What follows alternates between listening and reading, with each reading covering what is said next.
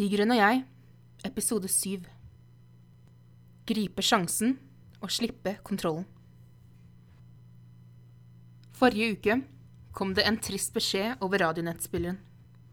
Et av mine faste følgesprogram, Ramona og Siggen på P3, skulle spille inn sitt aller siste program. Det er vanskelig å forklare hvor mye Ramona og Siggen har betydd for meg. Det virker ikke alltid som at ordene strekker til. I fjor, mitt vanskeligste år hittil, vandret jeg i mørke tanker dag ut og dag inn.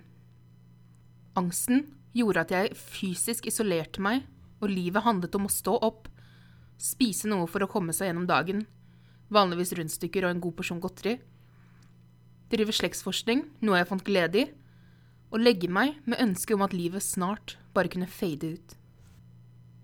Høsten 2014 hadde jeg kommet over P3-aksjonen på internett og falt komplett for konseptet.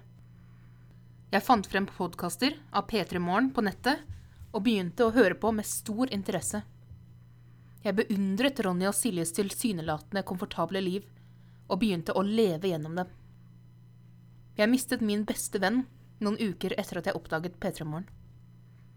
Hunden Max hadde lært meg hva ubetinget kjærlighet var, og han hadde blitt min kompanjong. Da han brått gikk bort, fulgte en tid med sterke angstanfall og depresjon. Selv om vi fikk en ny hund kort tid senere, var min metatesiofobi i full sving. Endringen ble for stor, og jeg slet enormt. De 60 minuttene med podkast om dagen ble essensielle i mitt liv. Jeg ble avhengig av å høre om andres liv, og fantasere om at jeg kanskje en dag kunne leve et fullverdig liv igjen. Tidlig på året, i 2015, bestemte jeg meg for å utvide horisonten. Jeg søkte rundt på NRKs nettspiller og kom over et bilde av to kvinner smilende fra øre til øre. Jeg ble lokket inn og hørte dagens episode. Til min overraskelse var ikke disse som mange av de andre programmene. De fortalte at programmet var for alle med variert livskvalitet. Min livskvalitet, som på det tidspunktet begynte å nærme seg avgrunnen, passer godt inn i konseptet. Endelig hørte jeg hjemme et sted. Ramona og Siggen talte vel til meg. Jeg begynte å høre på dem, både direkte og på nettene da søvnen av og til ikke ville ha noe med meg å gjøre. Jeg bestemte meg for å skrive ned hva jeg likte ved programmet, og hørte gjennom alle podkastene fort, så på nytt igjen. Jeg begynte straks å notere ned alle de artige historiene og småfakta fra programmet. Ramona og Siggen var blitt mine nye bestevenner, uansett om de ikke visste om meg. Like før sommeren begynte jeg å lage en fanside. Navnet Ramsigs var hentet fra en konkurranse de hadde hatt året før, og jeg fikk med flere på laget. Jeg husker fortsatt augustdagen og første gang de nevnte på radio at de hadde fått en fanside. Det gjorde at jeg, for første gang på et halvt år, følte ekte glede igjen. Jeg klarte ikke slutte å smile. Det var på kanten til uvirkelig, men på en god måte. Ikke angstens uvirkelighet. Jeg hadde endelig en grunn til å leve. Jeg skulle dokumentere radioprogrammet. Onsdag ettermiddag sist uke bestemte jeg meg for å ta sjansen og reise lenger vekk enn jeg hadde gjort det siste halvannet året. Jeg skalv noe kolossalt og fikk alle symptomene i angstboken. Jeg klarte å avverge to anfall kvelden før, og da jeg falt i søvn etter tre og en halv time, var jeg fortsatt fast bestemt på å møte mine radiosøstre i Oslo. Forsterket av at jeg hadde snakket med Siggen på telefonen to dager tidligere, satte jeg kursen mot Oslo. Jeg sendte henne i tillegg en melding idet vi dro hjemmefra, og den positive tilbakemeldingen økte motivasjonen betraktelig. Det er 20 mil fra meg til Oslo. Det lengste jeg hadde reist hjemmefra de to siste årene, var til Larvik, syv mil unna. Det å kjøre helt til hovedstaden virket rett og slett uklokt og forferdelig utfordrende. Jeg kom jo definitivt til å få et panikkanfall av denne turen. Det var jeg bombesikker på. Og ja, jeg mener av. En bieffekt av angsten er at jeg gir objekter eller steder mer kraft enn de har. Det er derfor det er vanskelig å reise tilbake i en butikk eller et sted du har vært hvis du har hatt anfall der. Fordi du klandrer stedet fremfor det at du mislikte situasjonen.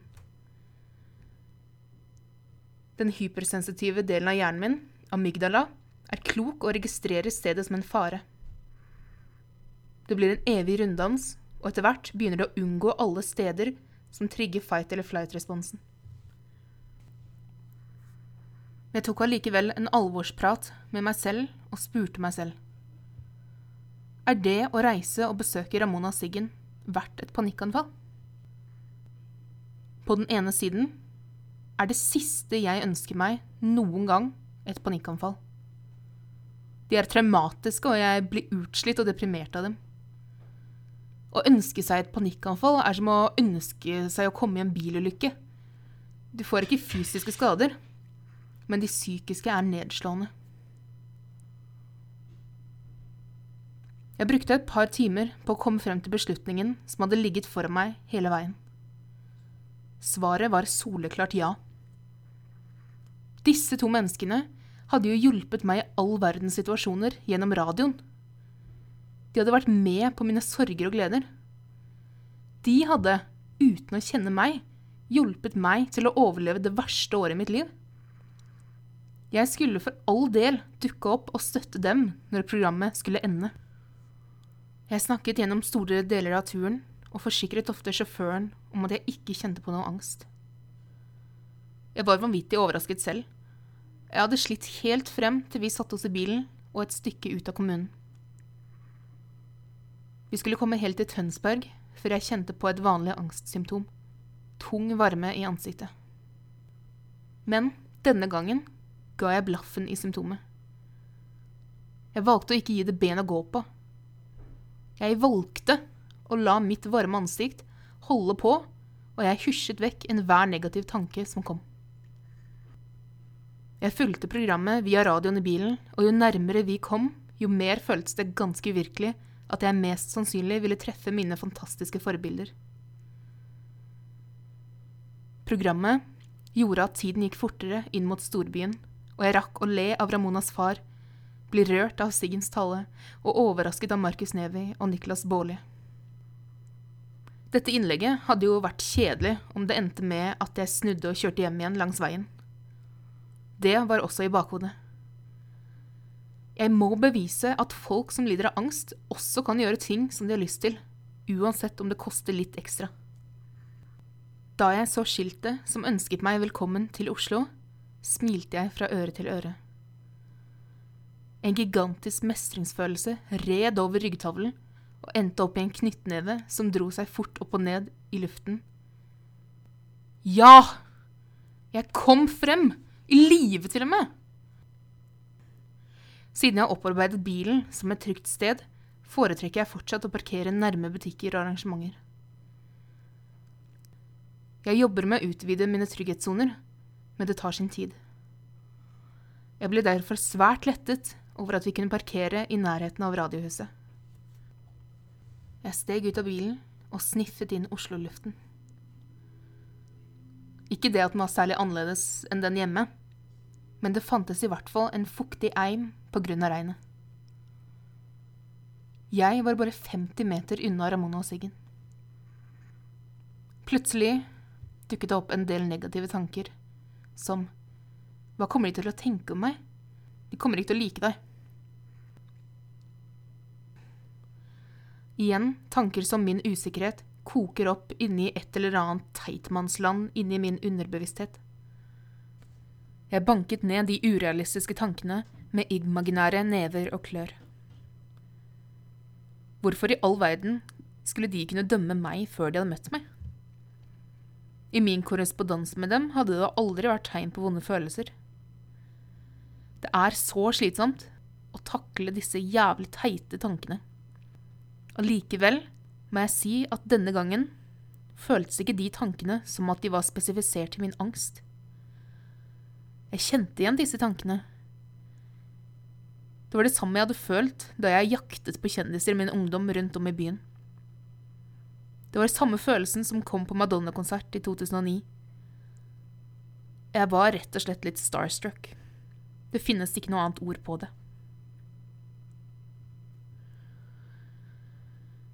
Så fort jeg innså at det var det som var tilfellet, smilte jeg litt for meg selv. Jeg var allikevel rimelig alminnelig.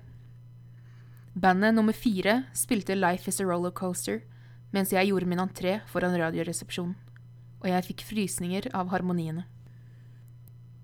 Det at stedet ikke var overøst av mennesker, var fint for min del. Jeg slapp å bli fengslet i mengden og få panikk. Jeg tenkte uansett at nå ikke var tiden for å tenke på angsten. Jeg, Tina, sto fem meter unna selveste Ramona og Siggen.